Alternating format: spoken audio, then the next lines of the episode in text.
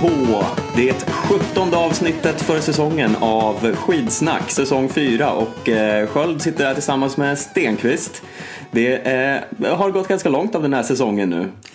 Hur, Ja. eh, hur känns det? Jag tycker det känns som det har gått fort. Ja, när du säger att det var 17 avsnittet då eh, blev man ju lite överraskad. Vi har ju inte klämt in några av de där eh, utlovade extrapoddarna som vi, vi dyrt och heligt vid flera tillfällen sa att ja men vi kommer ju köra extrapoddar under OS och eh, wana wana wana wana. Ja. Men det har ju inte blivit någonting med det. Men eh, ändå har vi lyckats klämma in 17 avsnitt. Eh, Det är, det är bra jobbat tycker jag. Ja, klapp på axeln till oss. Ja, och jag kan väl passa på att säga det att vi märker att det är fler och fler som eh, lyssnar på våran podd. För vi ser ju det helt enkelt att det är fler som laddar ner. Och det är väldigt roligt. Det tycker jag att ni ska fortsätta med och komma ihåg att fortsätta att sprida det till vänner och bekanta. Ja, till och med fiender skulle jag säga. Ja, och nu när eh, själva skidsäsongen börjar lida mot sitt slut så eh, det, det går lika bra att lyssna på eh, skidsnack eh, under sommaren. Jättebra strandlyssning. Ja, ja du hade väl till och med, har inte du en syster som har berättat att hon eh, brukade lyssna på oss eh, när hon hade svårt att sova och sånt?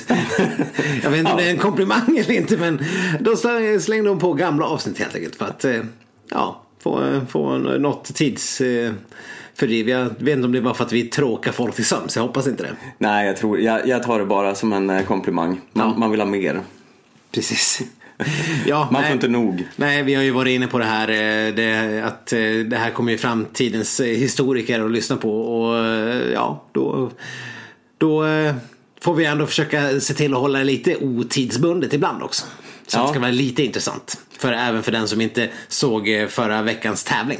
Ja, men verkligen. Vi tänker ju till, i alla fall till 50% på historikerna när vi spelar in poddarna här. Människorna som lyssnar på det här om 10 000 år. Ja, det är liksom, ja, det, det är lite som eh, regalskeppet Vasa. Eller det kanske inte ens är människor, det kanske är marsianer. Ja, när marsianerna lyssnar på skidsnack.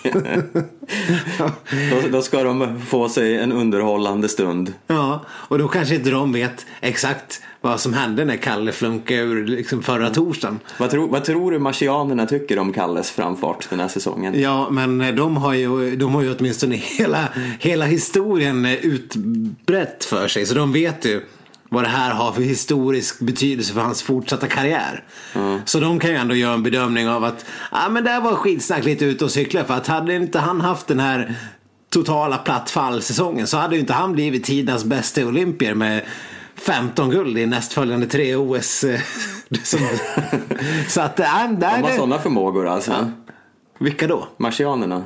Ja men det är klart, de ser, lyssnar ju på det här om 10 000 år. Då kan de väl bara kolla i en historiebok. Hur det Ja, ja, ja, ja du, du menar så. Ja, men då, då förstår jag. Inte att de är synska. Nej, jag tänkte att de var med i nutid. Jag vet inte varför jag tänkte det. Nej, nej det här är ju om 10 000 år. Ja, Jag vet inte hur du tänker nu. eh, men då kanske vi har Olympic Athletes from Mars med på OS. Man kan alltid hoppas. OAM. ja. ja, tänk vad sjukt att hela, hela den här tiden har det funnits en helt, helt oupptäckt civilisation på Mars som inte vi har upptäckt förut. Ja, kanske rejäla skidspår där också. Ja. Ingen snöbrist och sånt. Ändå har vi haft eh, Matt Damon där som har spelat in filmer och ingenting upptäckte de. Nej. Sjukt! ja, men Men det ska... här, är, det här är ingen rymdpodd. Nej, det är ingen rymdpodd. Vi vänder blickarna till nutiden istället. Mm. Och eh, vad som eh, kanske i historieböckerna kommer beskrivas som fylleslaget i Holmenkollen. Ja. Så när vi säger det här, då kommer marsianerna veta direkt vad vi pratar om. Skandal. Det var skandalåret anno 2018. Ja.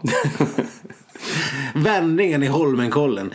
Norge gick från att vara ett rosenskimrande eh, lusekofteland till, eh, till dräggiga svinpälsar som eh, skrämmer barn och, och Jörgen Björgens över hela stan. ja.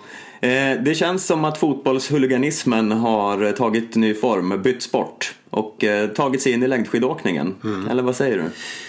Ja men vi kan väl eh, Vi kan ju börja med att bara ge ett sammanhang för folk som har missat det. Men det här har ju då Holmenkollen här är beskrivet som eh, rena fylleslaget. Ja, och det var ju så att det, det var väldigt, väldigt mycket publik på femmilen i lördags. Och eh, det brukar det ju vara, men Ja. den här gången var det ju, man såg ju ganska tydligt på tv-bilden att det var mer än någonsin. Ja, och det var ju inte sällan man såg folk eh, ackompanjerade av en låda bärs i skogen. heller. Ja, eller ackompanjerad av en funktionär som ledde dem in bakom någon avstängning någonstans. Ja. Eller som sprang lite i spåret vid ett par tillfällen. Men om vi säger så här då Stefan. eh, Både du och jag har ju varit galna skidsupportrar i Holmenkollen. Ja, Och vi ska väl ärligt säga att eh, vi, vi gick ju mer än eh, gärna in på det här alkoholmässiga spåret också. vad är det du säger? inte, inte så här kanske skandalscener som att vi slogs vid en... en eh, Vi knuffade inte folk framför tunnelbanor. nej, det gjorde vi verkligen inte. Nej. Eh, nej, men vi befann oss ju på en läktare båda gångerna vi var där. Och eh, själva det stora fylleslaget tror jag var lite mer ute i skogen. Ja, det är väl så man har tolkat det som. Att då, det är väl det man också såg på tv-bilderna. På eh, läktarna såg de ut att ha eh, rena happy peppy stämningen med, med synkron... Det var ju rena nordkoreanska synkroniseringen på den här armviftandet de hade på läktaren. Ja. Och hur kunde läktaren vara så full nu? För när vi har varit där då har det ju varit lite så halvtomt ibland. Mm. Men de klämde ju in 100 000 pers bara på lördagen. Det är ju en helt sinnessjuk stor mängd eh, Ja. åskådare. Ja, verkligen. Nej, det, var, det var imponerande. Men, ja. eh, Eller det var imponerande så långt tills de skulle ta sig därifrån. Ja, det kan man också säga. Jag vet inte hur, hur eh, väl eh, det har brukat fungera. Jag, jag tycker alltid det har varit förbannat trångt att ta sig från Holmenkollen för att man går i någon form av lämmeltåg Först typ tre kilometer ner till första tunnelbanan, eller tunnelbana, det är, det är tricken, det är ju som en liten spårvagn uppe i berget. Ja. Det är inte mycket till tunnelbana att prata om.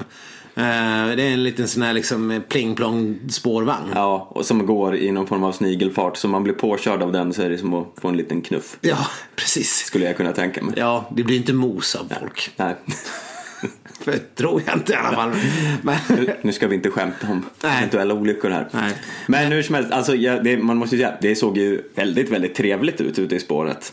Ja, jag hade ju gärna varit med på det här, den här fyllefesten. det var ju rena Ho- Holmenkollen-propaganda. Ja, Och, och det, det var ju väldigt fin reklam. Sen blev ju den dåliga reklamen när liksom Daniel eh, Daniel Halvarsson, vad fan heter han? Rickardsson. Rickardsson. Har du blivit senil på Ja, dagen? det har jag. Eh, Han kliver in och säger att han får liksom öl kastat över sig och sånt. Ja. Men jag tycker inte att han verkade vara så här sur över det. Han, det var mer som att, ja, så fick man öl kastat över sig. Så, Oj, oj, oj. Det var ju ändå lite så här kul. Eller kanske inte kul, men lite udda. Och apropå Daniel Rickardsson och öl så fick vi ju någon inside eh, information från en, en eh, gammal bekanting till Daniel Rickardsson här i veckan eh, som hade träffat honom på någon festival någonstans. Det här var ju många år sedan men då hade Daniel Rickardsson tagit, eh, tagit sig en ganska rejäl eh, rackabajsarkalas. Det tror man inte riktigt om en, om en sån som han. Nej. Men ja, det kan tydligen hända även en sån sportsman ut i fingerspetsarna. Så han eh, kanske inte, han kanske passade på att ta sig en klunk öl. Som kom Fångar den i luften. Ja. Det kom lite, vad är, är det, Ringnes de dricker i Norge. Därför han fick sån fart på slutet. Eller det kanske han inte alls fick den här gången. Det var inte som i, i, i OS. När han gjorde en jordsupphämtning mot slutet. Nu var det ju mer som att han var på väg att göra en, en jordsupphämtning. Men så kom han ju riktigt aldrig ifatt. Nej. Han låg ju där och hela tiden kände man att nu kom igen, ta i fatt den här Leif. Det var ju, det var ju ett gäng på, jag vet inte hur många de var. Ja, men en eh, sju, åtta, nio stycken. Men han gjorde ju en sån här klassisk Daniel Rickardsson-miss att han låg lite för långt bak. Han förklarade det här som att det var lite lugnare att ligga där bak för att det var lite mindre härj. Ja, jag det gick inte det enklare att gå med där. Men då så fort de i tät, alltså främsta täten rycker så får han ju så mycket mot sig när han ska ta ikapp. Ja, vi satt ju där och hade någon eh, form av sms-tråd med Dr. Lindström och eh, och det var ju redan liksom känslan innan det här hände att ja, men nu måste han ju liksom på ta position för snart kommer tåget att börja gå. Eh, det, det var så tydligt att eh, när, alla hade, när så många hade hängt ihop så pass länge att det här kommer snart att börja stegras upp farten och det kommer, då kommer det bli jobbigt för honom att hänga med när han ligger liksom plats 25 istället för att ligga plats 10. Ja, fast nu var det ju liksom positionering mellan 10 och 5 snarare. Är, han gör ju även de här misstagen i de mindre klungorna. Jo, men han fick ju först och främst kämpa sig fram. Eh, alla där bakifrån. Ja, och sen var det ju samma sak igen. Och han tar sig ju förbi gubbe på gubbe på gubbe på gubbe. När det är mycket jobbigare att göra. Mm. Istället för att liksom göra som en Petter Northug som alltid ligger längst bak i klungan. Eh, tills han får en känsla för att nu kommer det börja gå fart, fort. Och då eh, till synes helt obemärkt bara smyger sig fram till fjärde plats. Mm. Eh, nu pratar man som att Petter Northug gör det här fortfarande, det gör jag inte riktigt. Men eh, hans glansdagar. Ja men verkligen. Det är lite skillnad på eh, ja, taktiken. Ja. Nej, men och sen känns det ju som att Rickardsson hade ju mycket väl kunnat varit med och eh, kanske inte fightat som en ny seger men ah, han kunde nog fan ha varit med in på upploppet i alla fall. Om han hade bara liksom diss Ja, han tappade ju ryggen på de här tre som stack. Det mm. kanske var några till med där också i rycket. Men det, det blev ju för stort för att kunna äta upp när de ökar farten. Ja, då, men då hade han väl tappat det redan innan. Det var ju liksom... Ja, han behövde ju ha varit med Sundby och Colonia och vilka det nu var. Vyllegchanin. Precis. Ja, för att det syntes ju att han, Daniel Rickardsson är ju alltid så på något vis. Att han, det känns som att han blir bara starkare ju längre loppet går. Om man har bra under fötterna så att säga. Och det, det verkar han ändå ha haft. Han blev inte bortvallad det, det, den här gången. Nej, de verkar ändå ha gjort ett hyfsat jobb den här helgen, Valla-teamet. De har ja. ryckt upp sig sen OS. Sen var det ju ändå skönt att eh, inte Sundby vann. Ja, alltså det är ju ändå är ju en episk målfotobild den här på Gummi Dario. Ja. Som går ner i spagat över mållinjen. Ja. På världens längsta ben. Ja. Det, ja, det kan vara tidernas bästa målgång. Känns det som. Ja, verkligen. Och det ja, alla dagar i veckan vill man ju hellre att Colonia vinner framför Sundby. Så att det var ju ändå, det var ändå gött. Ja, verkligen. Eh, om vi bara ska lite snabbt återknyta till fylle, fylleskandalen så var det en till som eh, utöver Rickardsson som råkade ut för det. Enligt egen utsago. Kläbo påstår ju att han ramlade på en kapsyl när han gjorde sin beryktade faceplant. Ja. Vad, tror du att det är sant? Eh, alltså, han kan ju ha åkt på en kapsyl. Men jag har svårt att se att han, han skulle ha fastnat så där gruvligt så att han skulle... För han det var ju som att någon hade fällt honom. Mm. Och hur man nu gör det med ett par skidor. Sådär, ja. Vad är det? Lappgubbens tvärkast brukar det kallas. När man bara, när skidorna bara dusch, Alltså sugs fast i snön och man bara ja. man stupar framåt. Det var ungefär det han gjorde. Men jag vet inte om min kapsyl skulle kunna orsaka det. Nej. Men eh, ja, det var ju en snygg vurpa ändå. Ja. Men såg han bara liksom ett tillfälle att skylla på den här eh, folkfesten varför han eh, gjorde ett fall? Jag vet inte om jag ska tolka det som att han skyller ifrån sig hela sin usla insats på det. Nej, han var ju ganska dålig överlag. Ja, han och Iversen lallar ju in där fyra och en halv minut efter. Eller vad det nu kan ha varit. Mm. Eh, och ja, de fullföljde i alla fall loppet. ingen nämnd, ingen glömd. Eh, men det gjorde de ju. Ja, eh, och det gjorde ju även våra svenska eh, stjärnor inom situationstecken. Vi hade ju med oss ett antal Anders Simonssons i det här loppet. Ja, det får man ju säga. Anders Simonsson är ju vårt internationella kodnamn för svensk utan speciellt känt namn. Eh, alltså om du under pistolhot skulle avkräva mig två av de här namnen förutom eh, Daniel Rickardsson som var med så skulle jag inte kunna leverera. Eh, Björn Sandström är den ena av dem. Ja just det, det låter ändå bekant för han har vi ändå pratat om tidigare.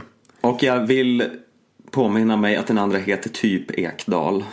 Filip. Nej, Filip Danielsson, Johansson. Ja men precis. Okej, okay, nu har jag facit. Filip Danielsson, Petter Engdahl, Simon Lagesson och Björn Sandström. Mm.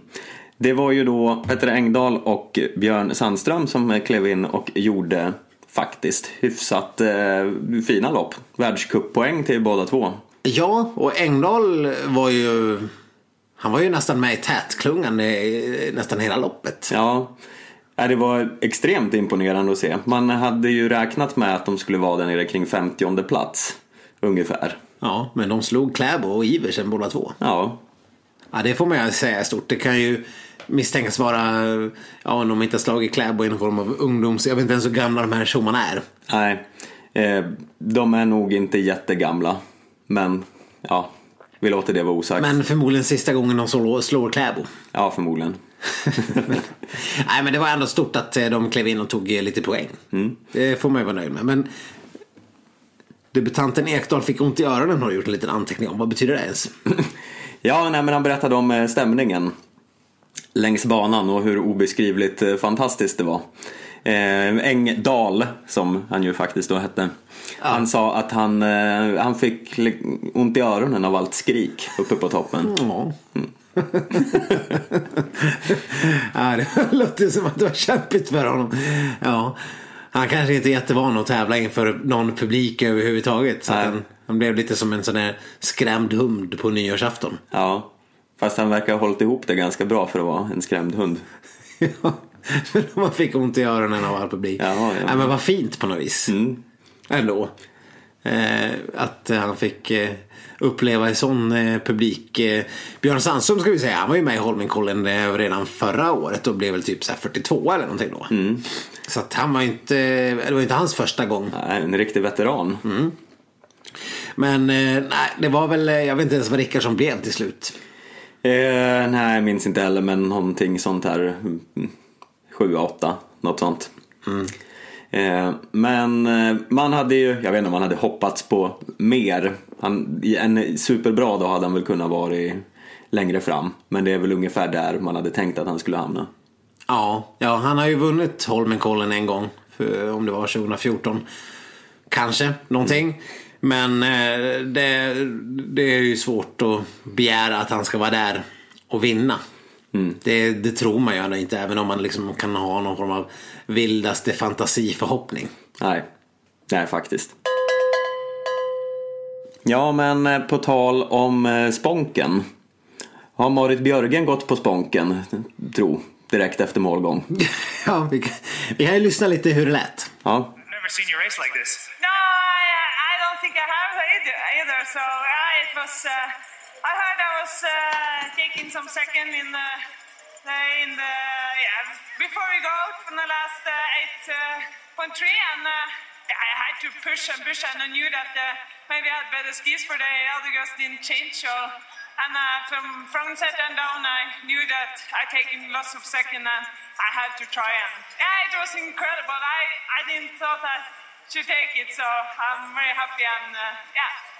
And uh, three mil is yeah, it's a good uh, competition for me, and uh, yeah, I like it. Ja, eh, spontana reaktion på eh, Björgens, eh, var det Björgen ens? eh, ja, det, ja, men det var det nog. Vi har ju ändå sett tv-bilderna. Annars var det en väldigt eh, övertygande Björgen-kopia. Ja. Men eh, Jag tyckte nämligen att det lät lite mer som att det var en sån här dålig Arnold-imitatör. ja, Som... eh, ja, ja, för det, alltså...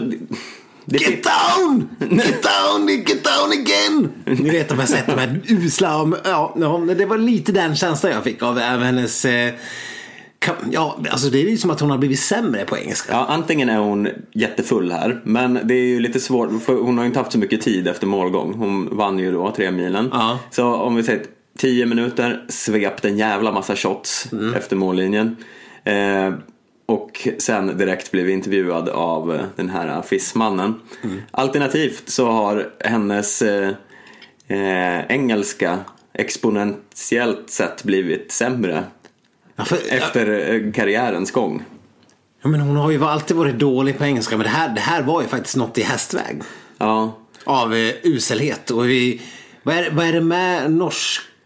norsk det, vi har ju alltid sagt att Sundby är liksom undantaget som bekräftar den här regeln om att norrmän framförallt är riktigt usla på engelska. Men eh, att de blir sämre och sämre ju mer framgångsrika de är, det är ändå fascinerande. Jag tycker att de reser ju så pass mycket. De borde liksom tvingas att använda sin engelska ibland. Men de kanske har någon eh, reseledare som sköter allt åt dem. ja, ja, man undrar lite Har grann. de någonsin checkat in på ett hotell själva? Nej, det hade varit... Oh, I, have a hotel room and live in maybe key, key. Uh, typ så kanske det skulle kunna låta. Och, och, och sen de börjar prata om three meal. Three meal.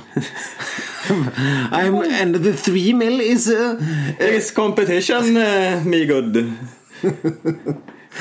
ja. Ja, nej. Ja, det, Man förstår ju vad hon menar som, som svensk. Lite Men- grann så. Men det är tur att hon är bättre på att åka skidor än att pra- prata engelska i alla fall. Ja. Det är ändå därför hon är här.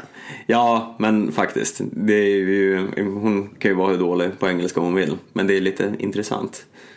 Eh, Men ja, vi ska nämna tre milen lite i övrigt så det, det var ju en ovanligt intressant eh, tre mil. De brukar ju vara lite avgjorda på förhand. Ja, det här, det här var väl helt eh, sjukt egentligen. Det här har man ju aldrig sett maken till en märklig tremil. För att Jö- Jörgen Björgen, jag säga. Marit. Marit Björgen. Hon var ju... Jag hade ju räknat bort henne flera gånger. Ja, hon såg ju Först inte när hon liksom- stark ut. Nej, men det var ju liksom redan ganska snabbt så tyckte man inte att det såg ut som att hon riktigt hängde med. Eh, alltså hon låg inte så här kloss i rygg och det var ju bara efter några, någon, några kilometer innan första milen var avklarad som man kände att ja det är ju inte Marit Björgen som vinner idag i alla fall för hon kommer ju vara avhängd. Och sen när det har gått två mil och hon är helt avhängd och liksom är typ 40 sekunder efter. Det är inte som att man har ändrat sina, sina förutsägelser där. Nej, det kändes ju det kändes som att det skulle bli en kamp där mellan Kalla, Diggins och Haga. Mm. Och det var det ju fram tills ja, sista 500 meterna ungefär när Björgen kom ikapp. Ja, och jag, ja, det får jag, man får ju ändå säga att jag, man kände ju redan där när eh, Charlotte Kalla inte kunde när, man, när, vi, när det märktes så tydligt att eh, det gick fortare, mycket fortare när Diggins var uppe och drog. För att det var ju då eh, Marit tog ikapp så mycket. När, när Charlotte Kalla låg i tät. Då åt hon ju ifatt mycket fortare än när Diggins gick upp. För när Diggins gick upp då, då tog de inte alls på samma sätt. Eh, och det var ju väldigt oroväckande för Charlotte Kalla. Om man liksom gick med någon förhoppning om att hon skulle bara göra ett sånt där eh, patenterat ryck som vi har sett tidigare den här säsongen. När hon har parkerat de andra. Ja. Och- Nej, det, så, det såg man ju att hon inte riktigt hade i sig idag. Nej. Eller då. Och jag, ja, jag vet inte vad hon skulle kunna gjort heller. För att Haga, hon var, hon var ju, hon, hon kände som att hon också var borta ett tag. Det var ju, ett stund var det ju bara Deggens och Kalla kvar. Ja, Haga hade ju så mycket sämre skidor så man trodde ju att hon skulle bli avhängd just därför, även om hon orkade. Och sen finns det ändå någon form av förhoppning ändå att Charlotte ska kunna vara så pass mycket starkare än Diggis att hon ska kunna dra ifrån henne i en tre kilometers långspurt liksom. Men eh, det bet inte för Charlotte här bara. Och det var ju lite trist att se. Hon, eh, hon har inte riktigt lyckats här i Holmenkollens tre mil. Nej, jag har en liten teori om att eh, de gav henne den här Holmenkollen-medaljen som hon fick där för eh, Ja, jag minns inte vad motiveringen var riktigt men för mångårig eh, fin tjänst i Holmenkollen. För att eh, vara snälla mot de svenska reportrarna i Mixed Zone. Så att de skulle slippa den här rosenrasande svinarga Charlotte Kalla. För nu var hon ju ändå ganska glad när hon stod i Mixed Zone. Ja, när hon fick prata om den ja. Mm. Ja. Ja, jo det, det, det var ju fint i så fall att vara norska kollegor. Jag snöade faktiskt in på den här Holmenkollen-medaljen för några veckor sedan av någon anledning. Jag måste ha läst någonting om någon som fick den. Och kollade just igenom den här listan. Och det är ju som de säger, det är inte...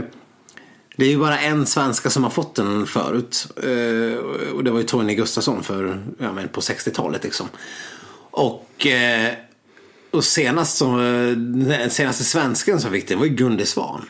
Så det här är ju inget som strösslas över svenskar i på 10 minuter. Även om det är en hel del svenskar som har fått den. Jag tror att Jan Boklöv har fått den och Wassberg och ja, det är massor med gamla Sixten Jernbergs och sånt. Som har fått den. Men, eh, men det är ju inte som att Johan Olsson har fått den och, och Per Elofsson och all, all, alla liksom. Det är inte som att alla som har vunnit en världscupseger får den här. Så det är en väldigt stor och fin ära. Ändå. Ja, Eh, som eh, jag tror att hon eh, på riktigt kände var väldigt stort. ja, ja men absolut. Men också bra för de svenska reportrarna. För man märkte ju att så fort de hade slutat prata om den här medaljen och ändå skulle nämna den här fjärdeplatsen så fick hon ju bita sig lite i läppen. Hon ville inte liksom utstråla ilska för att hon var ju ändå glad i stunden men man såg att det, det här var surt för henne. Det var ju det. Man, man kände direkt när, hon, när den här målgången var klar att ah, det är ju risktillägg på att intervjua Charlotte Kalla efter den här målgången. Alltså. Ja, verkligen. ja, nej. Risktillägg eh, ta sig in i Nordkorea, ja kanske hälften av risktillägget och intervjua Kalla i den här målgången. Ja.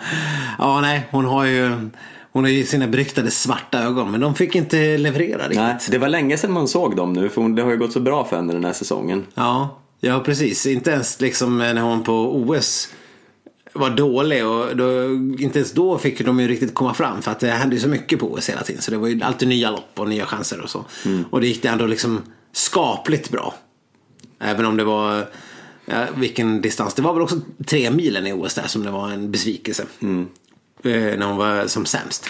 Men eh, ja, nej, eh, får vi se. Ja, det är inte som att man hoppas på att få se de här svarta ögonen. Nej, nej, verkligen inte. Men eh, man eh, har dem ju ändå ganska färskt i minnet. Eh, Så ja, vi får se. Vi hoppas slippa dem eh, den här säsongen ut i alla fall. Däremot så kanske det var sista gången vi hörde Marit Björgen intervjuas i en eh, FIS-intervju direkt efter målgång efter ett världscuplopp. Det skulle ju mycket väl kunna vara hennes sista säsong där. Ja, Det verkar vara lite oklart. Ha, ha, är det någon som har, liksom, har de på riktigt ställt frågan till henne? Eller har, har man fått något vettigt svar? Eller är det bara det här, ska utvärdera efter säsongen? ja nej, jag har inte hört något eh, solklart där än. Nej. Så vi, det fann- fanns ju en teori som det pratades om att hon eh, vill eh, köra en säsong till för att typ få åka med Johaug när hon kommer tillbaka. Eh, Bitch please. Tror du verkligen att Marit Björgen bryr sig om det? Egentligen. jag säger bara att det eh, pratades om detta. De har ju redan åkt ihop. Ja, Massor med säsonger. Mm. Äh, det, verkar, det verkar vara en krystad. Men skulle hon liksom lämna över stafettpinnen som världens bästa eh, skidåkare då bara? ja typ något sånt. Jag, jag vet inte. Eh, nej, det låter ju lite... Eh, Det låter ju superfånigt. ja, Men hon har ju redan... Ah, nu, jag vet inte hur många gånger du har dödförklarat Marit Björgens karriär den här säsongen. Men det har ju ändå varit en säsong där hon har eh, visat sig vara mycket mer mänsklig än, än eh, tidigare säsonger när hon har jag menar, de senaste fem sex åren eh, före och efter eh, Jörgen så har ju hon eh, totalt dominerat i princip. Förutom där när Johaug var eh, som allra bäst också. Men det var väl i och för sig just den säsongen när Marit var borta som Johaug var som eh, sin, sin mest störda form. Eh, men det här var ju ändå en säsong där till exempel Charlotte Kalla kunde eh, kliva fram och, och parkera henne i många lopp och där hon inte alls var lika framgångsrik i sprint som hon har varit tidigare. Där eh, liksom Stina Nilsson och Falla, de har ju i sig dominerat de senaste säsongerna men Björgen har alltid funnits där som en stark contender när hon har varit i bra form. Eh, och nu har det ju varit mycket mer mänsklig Marit Björgen. Inte tror man väl att hon ska kunna göra en till säsong och vara bättre än hon varit i år. Nej, det är väl väldigt eh, svårt att föreställa sig. Och, men det, vi var ju inne på det lite tidigare. Jag tycker det ska bli oerhört intressant att se vad Johaug är i förslag när hon kommer tillbaka. Ja, det blir ju, det blir ju, det, är bara poppa popcorn.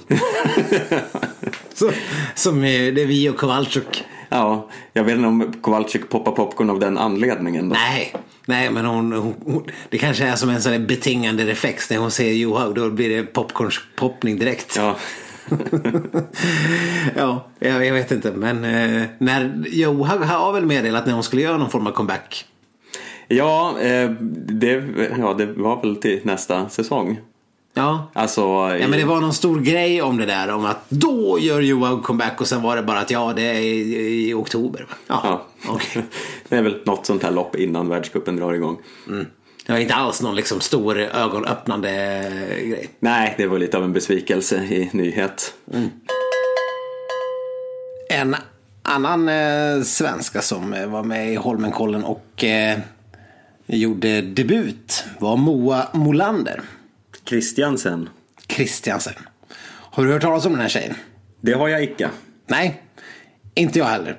Hon har eh, varit med i lite så här U23-VM eh, förra året och eh, hamnar väl sådär 10, 14, 20 plats. Men eh, Ja, vi, vi smsade ju lite kring henne och undrade så här, ja men vem är hon då egentligen? Och då började du göra lite research. ja, jag gick till min vän Google Ja, och googlade henne. Och vad är det första jag ser? Man kan köpa Moa. Vilket jag tyckte det var lite roligt. ja. Jag ska se hur, hur Go- Google uttryckte det. Ska vi se. Eh, indulge me. Här. Köp andelar i Moa Molander. Är rubriken på Google. och då blir man ju genast lite intrigued. Ja, Vad men- jag hamnar på för konstig sajt. ja men berätta då, vad, vad är det som gäller? Är Ja. hon dyr? Nej, tyvärr. Jag kan väl känna att Moa Molander säljer sig lite billigt. Kanske. Eller så gör hon inte det, beroende på marknadsvärdet. Men Trade in Sports. Alltså det här verkar ju vara ungefär lite grann som att eh, man kan köpa andelar i en travhäst. Ja, Som man gör. Jag har ju inte gjort det, men många gör ju det. Det är ju inte helt ovanligt. Men istället för en travhäst så har man en skidtjej. Och så köper man andelar i henne. kan man köpa andelar i Charlotte Kalla? Eh, om hon hade varit någon form av aktiebolag så hade man ju säkert kunnat göra det. För då hade man kunnat köpa aktier i henne. Som man kan göra i, i typ AIK. Eh, jag tror inte att Charlotte Kalla är aktiebolag. Nej. Men, eh, och det är väl inte Moa Molander. Men hon har gjort sig själv till någon form av... eh, Hon har delat upp sig själv i små andelar. Ja, Och sen säljer hon dem. Och det är inte så små heller för att jag tror att man, eh, de försökte eh, inbringa, vad var det, 600 000 kronor. I utbyte mot de 345 000 kronor i riskkapital som Moa tar in får investerarna totalt 19 procent av Moas intäkter. Under perioden 2017 01 till 2025 01 alltså under åtta år. Hon säljer 3450 andelar av sig själv. Så hon har alltså delat upp sig själv i 3450 delar. Och de kan du köpa för 100 kronor styck. ja, Så du kan ju, ja men säg att du vill köpa en tredjedel av Moa. Då, då är det typ 1000-1100 andelar. Om de kostar 100 kronor styck då, då blir det ju ändå en del pengar. ja, Då måste du slänga upp 111 000 på brädor här. Men då har du ju också en tredjedel av Moa. ja. Och en tredjedel av de 19 procent av hennes intäkter som hon kommer... Det här är lite komplicerad matematik. Men eh, något som gör att man eh, blir lite tveksam här att de... Eh, en liten formulering i, i själva, själva säljpitchen är så här. Om Moa skulle lyckas bli en ny Charlotte Kalla och etablera sig i topp 10 i världen när hon är 25 år förväntas investerarna få en avkastning på cirka 1000 procent. Så dina 100 000 kronor skulle alltså kunna bli eh, ja, 1000 procent. Det blir ju typ 10 miljoner då. Eller en miljon. Nu blir jag, ja, en miljon. Eller något sånt. Någon, eh, något, någon, någon ekonom får räkna på det där. Ja, jag har tappat all min huvudräkning efter gymnasiet. Jag, jag kan knappt räkna ett plus ett. Men eh, det är ganska bra avkastning helt enkelt. Ja, Men eh, premissen där att om hon ska bli en ny Charlotte Kalla. För att det är inte som att det kommer en Charlotte Kalla och springer så jäkla ofta. nej det är... Vi har ju haft vissa förhoppningar på att Ebba Andersson kanske kan etablera sig till en sån. Stina Nilsson, ja hon är ju jävligt bra men hon är ingen ny Charlotte Kalla. Eh, Fast ska man se på intäkter i världscupen och sånt. Eh, det, här, det här ska väl, vad jag har förstått, räkna inte bara själva vinstpengar utan även sponsring och sånt. Och då, Då kan det ju bli en del pengar, men eh, även om man är Stina Nilsson. Ja. Stina Ja, kommer ju ja, dessutom absolut. säkert ta totalt fler världscupsegrar än vad Charlotte gör. Ja, eh, hennes absolut. karriär är slut. Men det är ju um, verkligen en... eh, Sponspengar så tror jag att det är svårt att komma upp i en Charlotte Kalla. Det är höga krav att ställa på Ja. Moa Molander. När, För om vi ska se på damsidan i längd så skulle jag väl ändå kunna tänka mig att Charlotte Kalla ligger på topp tre i världen vad gäller sponsintäkter. Kanske, kanske topp 5-10 överlag om man räknar in män också. Så det är ju en det är en, det, det, det, är en, det är en jobbig måttstock att, att sätta sig vid.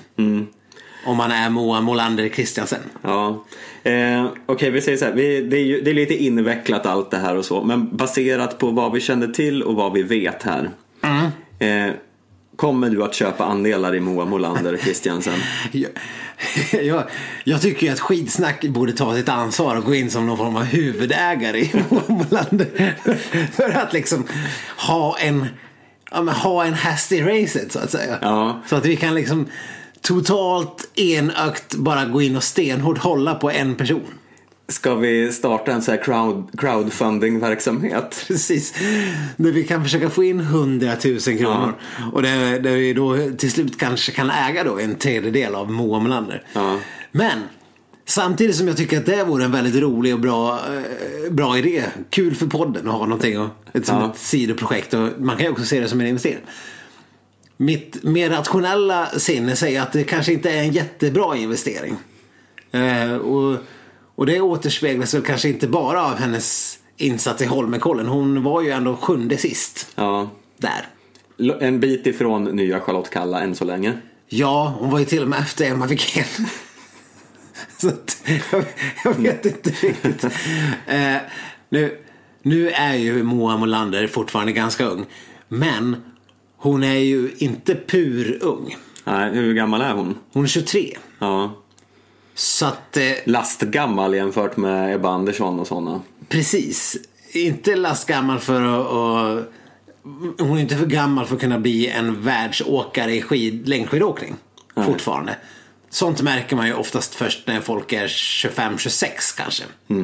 När de har fått eh, riktigt tillräckligt mycket träning. Och, och jag menar, ja. Det är bara att kolla på Björgen. Hon var ju ändå ganska gammal när hon slog igenom på fullaste allvar och blev så bra som hon blev. Eh, så där har ju Moa Molander all möjlighet. Men hittills i hennes karriär, vad jag har sett på FIS och hennes resultat och, och sådär, det har inte... Nej, jag, jag skulle ju inte lägga in 100 000 i Moa. Nej. Eh, eventuellt då om vi får det crowdfundat så vi slipper punga ut ur egen ficka. Ja. Kan jag känna. Ja, precis. Mest- kanske, mest kanske, för är- sakens skull. kanske är hårt med 100 000 också. Vi kanske ska se, se om skitsnackslyssnare vill vara med och äga 10 000 eller någonting. Vi får, ja. vi får, vi får grunna på det här. Det är en, det är en Mm. rolig idé. Eh, sen, sen är det också det här, man måste ta till den här etiska aspekten. Är det okej att äga en del av en, eh, av en skidåkare? Eh, ja, men alltså om hon är ett bolag som eh, typ som delar upp sig själv i andelar så måste det väl vara okej. Ja. Men jag, jag känner också att om jag ska hålla på att äga henne då vill jag ju också kunna ha någonting att säga till om. Ja. Då vill jag liksom kliva in med, med mitt Wolfgang Pitchliga träningsschema.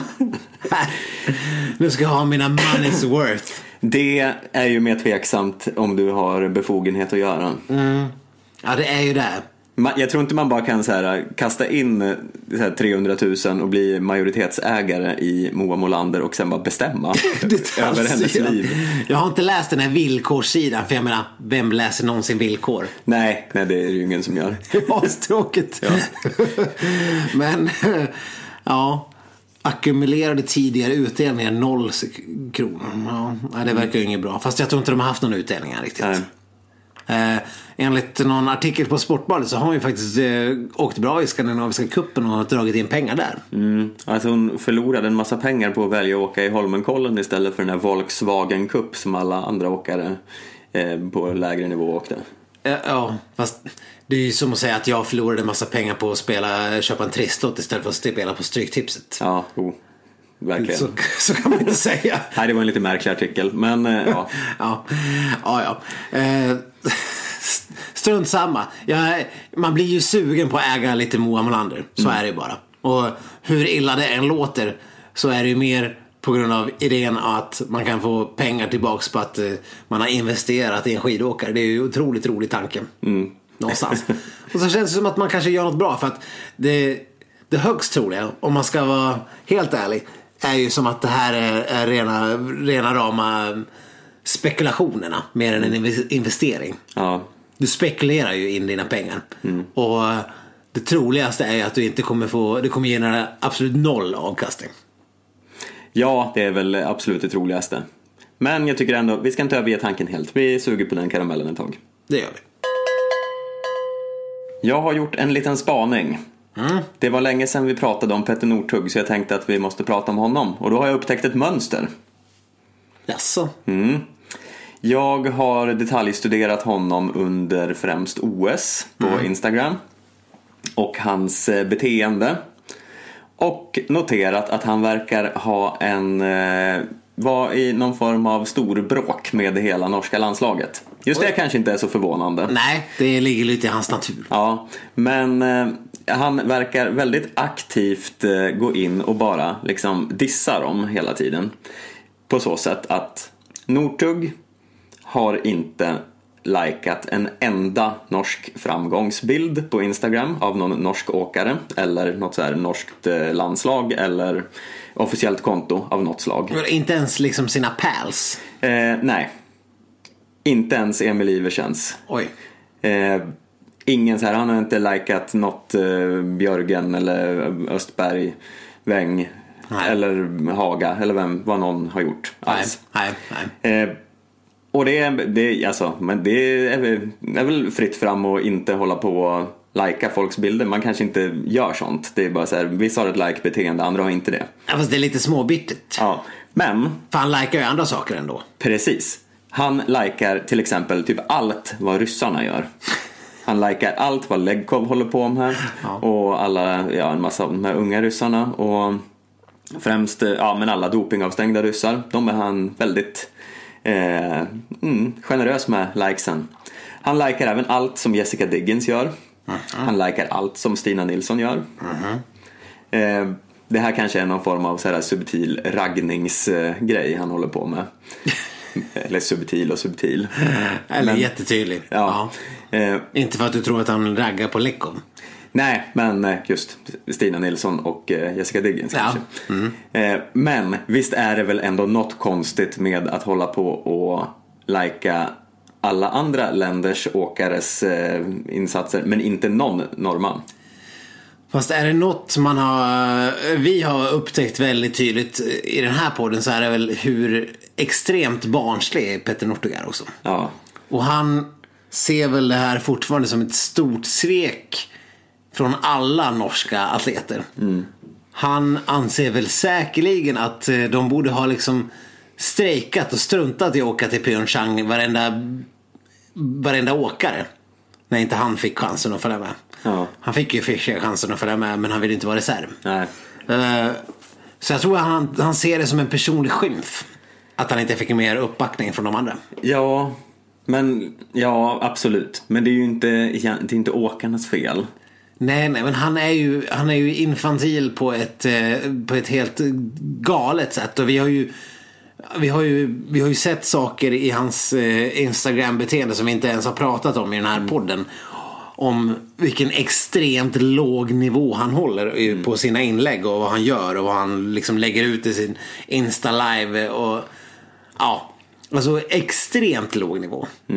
Som man inte bara vill eh, lägga tid på att prata om. Så att det känns ju som att det är rakt in i hans personlighet att hålla på med sån här fånigt eh, jag ska inte gilla något som du håller på med mode. Ja. Men hur tror du stämningen är om de... Ungefär som du inte var inne och likade min bild som jag la in från Vasaloppet där sist.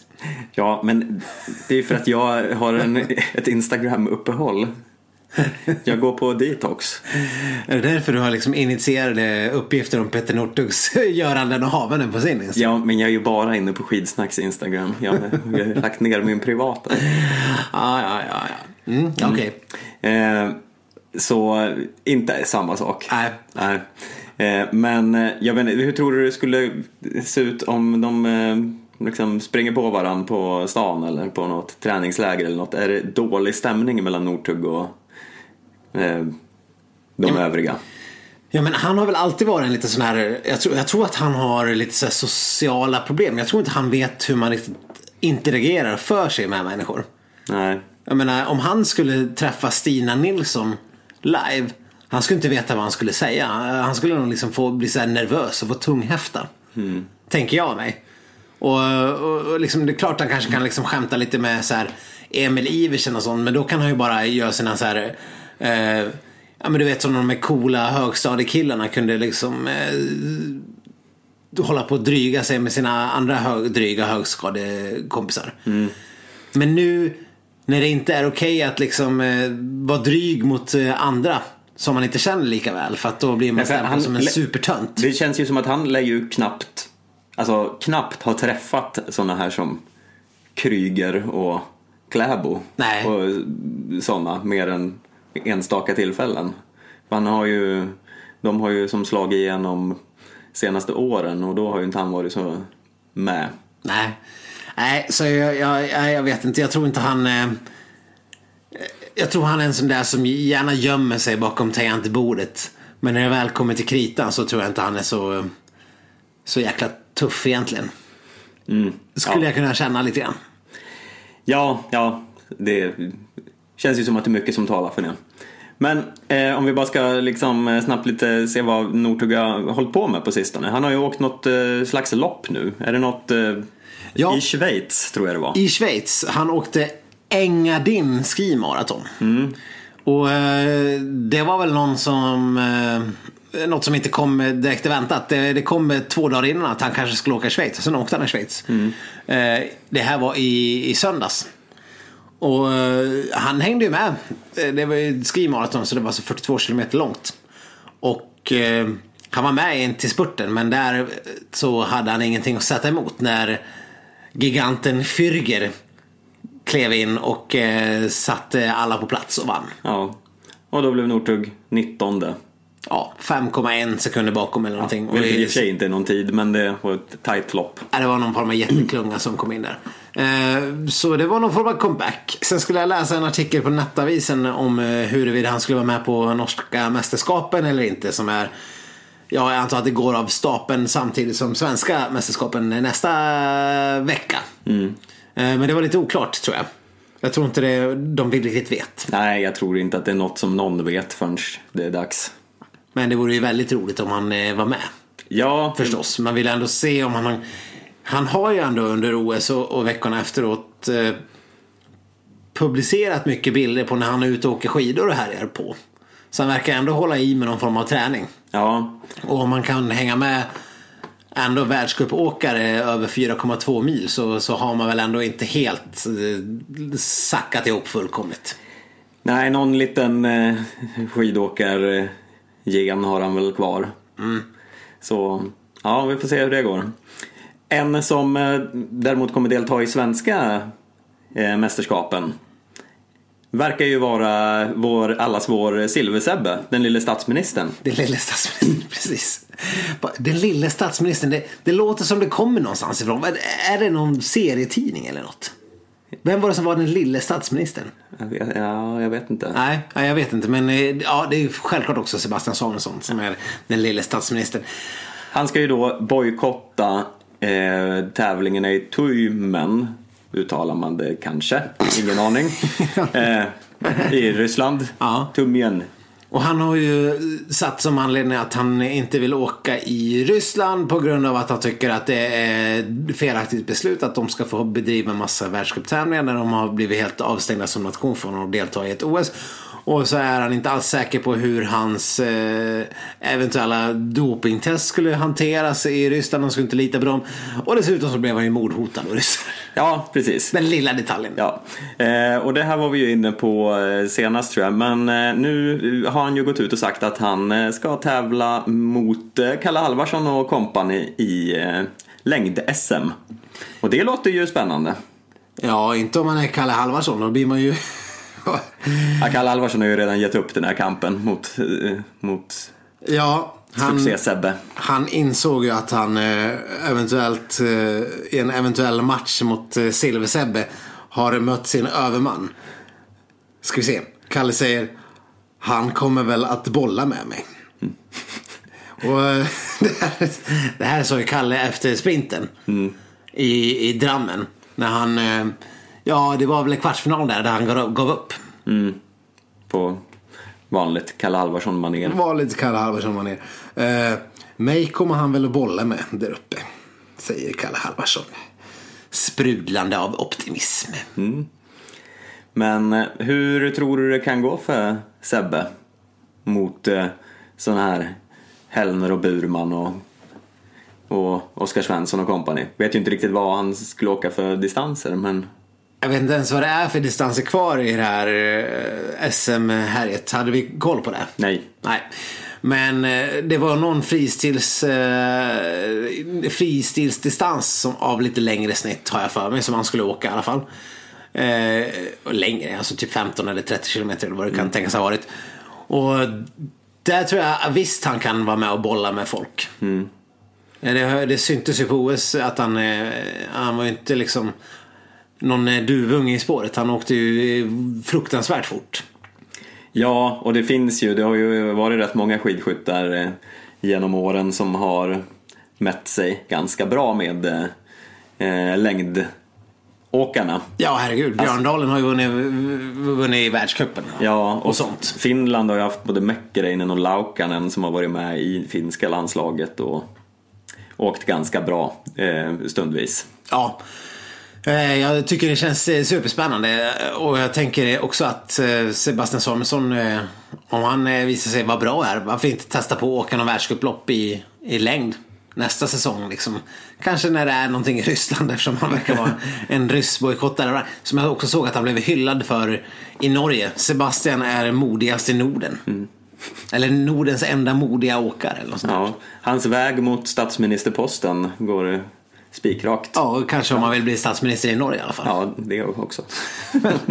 ja, ja, ja, vi, vi stöttar ju också Sebastian Samuelssons beslut eh, enormt. Inte bara för att få se honom bolla med Kalle Halvarsson. Nej, Men det är ju, det är ju en extra, det är ju en extra, extra krydda verkligen. till, eh, ja, nej men eh, SM känns ju som en eh, rolig säsongsavslutning nu faktiskt. Ja, men det gör det. Jag såg ju faktiskt också att eh, Oskar Svensson efter att han hade varit eh, vi har ju inte pratat om den här Drammen-sprinten någonting. Den var ju liksom lite tidigare förra veckan och eh, ja, dagen efter vi hade gjort våran förra podd. Så, där, så allt känns lite inaktuellt. Men han var väl hyfsat okej där. Men sen gick han in och, och vann det här Volkswagen Cup totalen. Det är inte Skandinaviska cupen, det är något annat. Det är så mycket, det är så mycket olika kupper.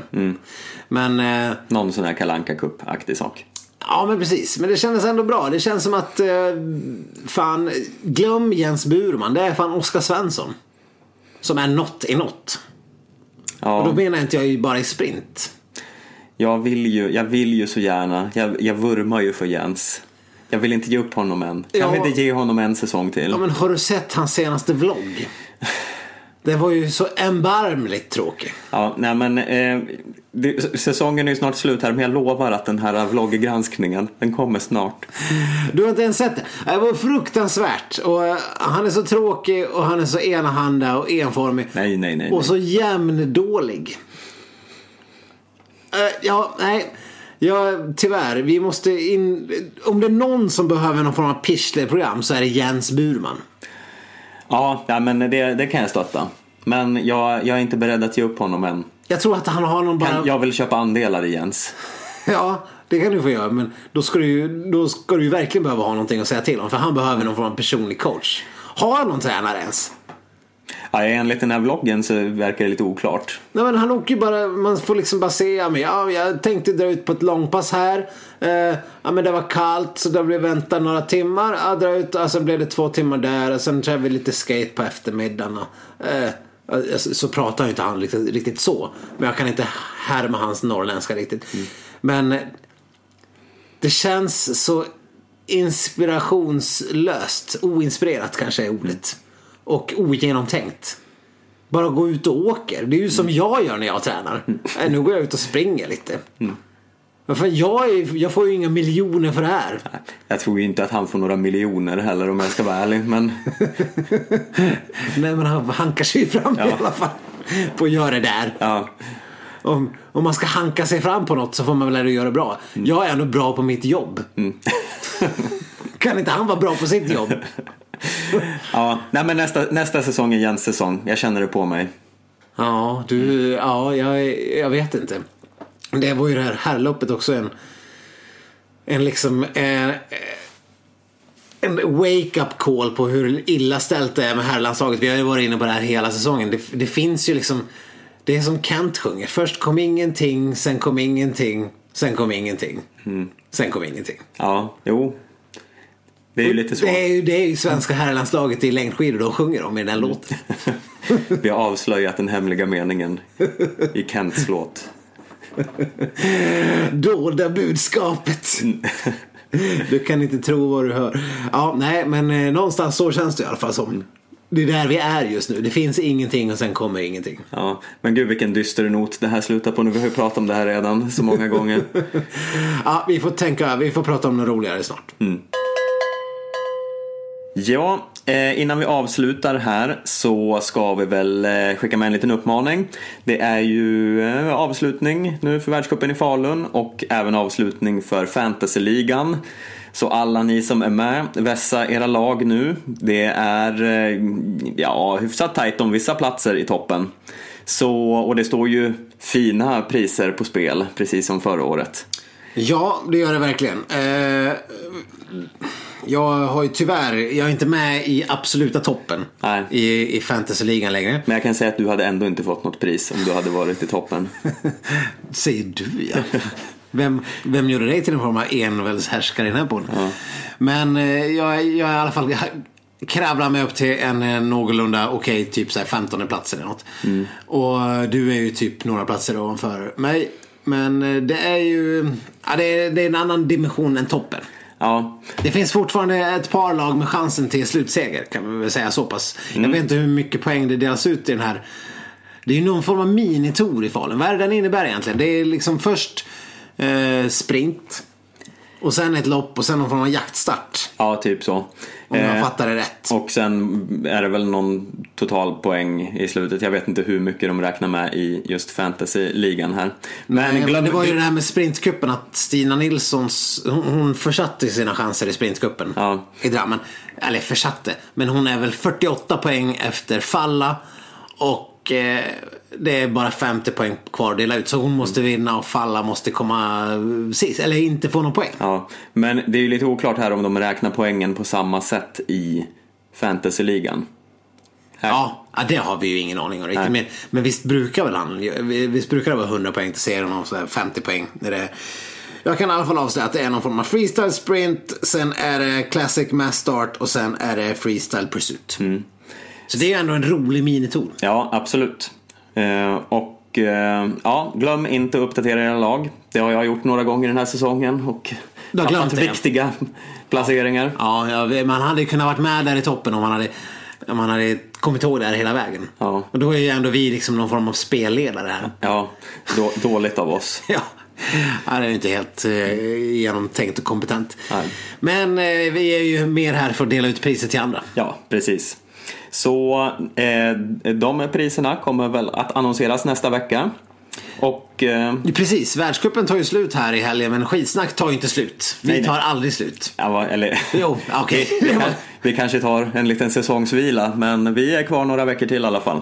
Så eh, ja, men eh, till dess. Ni når oss som vanligt. Där ni når oss. På Facebook, Instagram och på skidsnacket.gmail.com. Ja, och kom ihåg att åka upp till Falun.